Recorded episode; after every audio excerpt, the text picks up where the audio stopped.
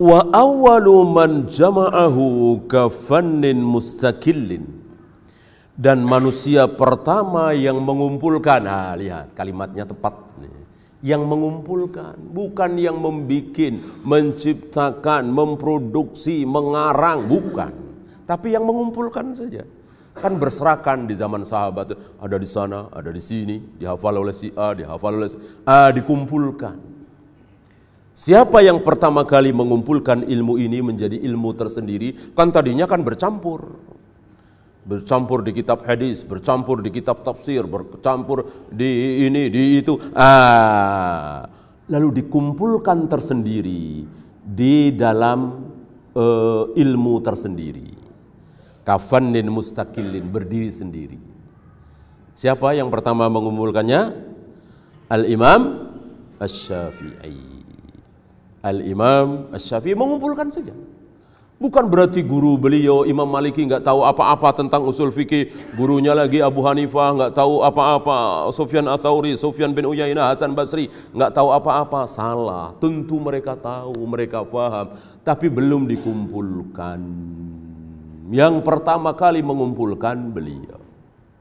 Karena memang tidak ada ulama yang menemukan ilmu baru dalam agama ini, nggak ada mau ilmu tajwid, mau ilmu bahasa Arab, mau ilmu fikih, usul fikih, hadis, tidak ada yang baru. Semuanya hanya mengumpulkan. Kalau teknologi, iya. Ilmu pengetahuan dunia, iya. Banyak sekali penemuan-penemuan baru dan itu bagus. Semakin menemukan penemuan baru, semakin bagus. Adapun agama tidak, tidak ada yang baru. Semuanya lama Semuanya dimulai dari Nabi Muhammad sallallahu alaihi wasallam diteruskan oleh para sahabat. Siapa nama Al-Imam Asy-Syafi'i? Muhammad bin Idris. Muhammad bin Idris. Kalau Muhammad bin Ismail? Imam Bukhari.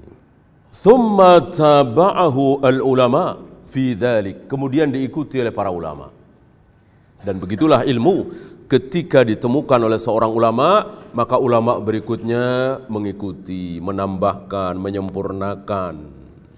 Ya, yang kurang ditambahkan, yang ini nah, apa yang ada pada Sahih Bukhari misalnya, Musnad Ahmad misalnya kan semakin bagus, semakin bagus. Dulu nggak ada nomornya, dulu nggak ada Sallallahu Alaihi Wasallam, akhirnya ada.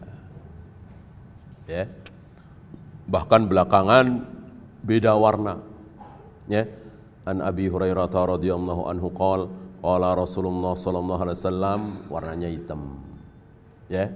Begitu bunyal Islam ala komsin warnanya merah. Ini kan memudahkan.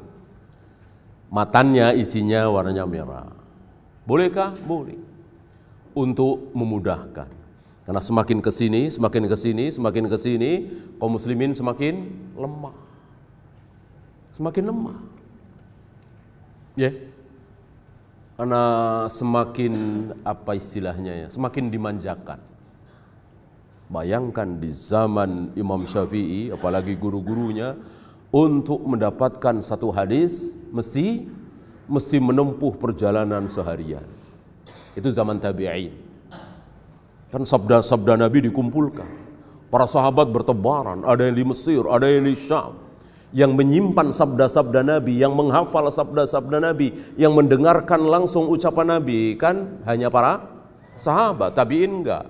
Uh, ketika ada Ibnu Umar di sana, ada Abu Hurairah di sana, ada Muawiyah di sana, ah, disamperin.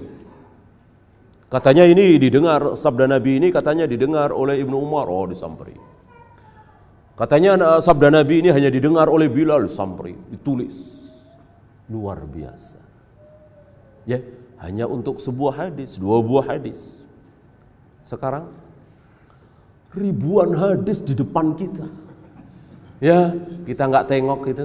Nah, kita nggak tengok, kita nggak baca, malah sibuk dengan yang nggak jelas. Ya, broadcast broadcast yang nggak jelas itu ya, kita malah lebih tertarik.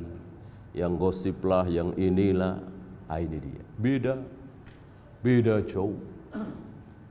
Ya, ribuan hadis depan kita.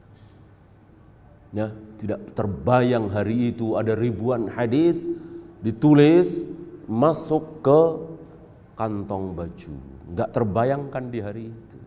Sekarang sudah ada. Bukannya terima kasih, malah ya mencari yang enggak-enggak. Ya.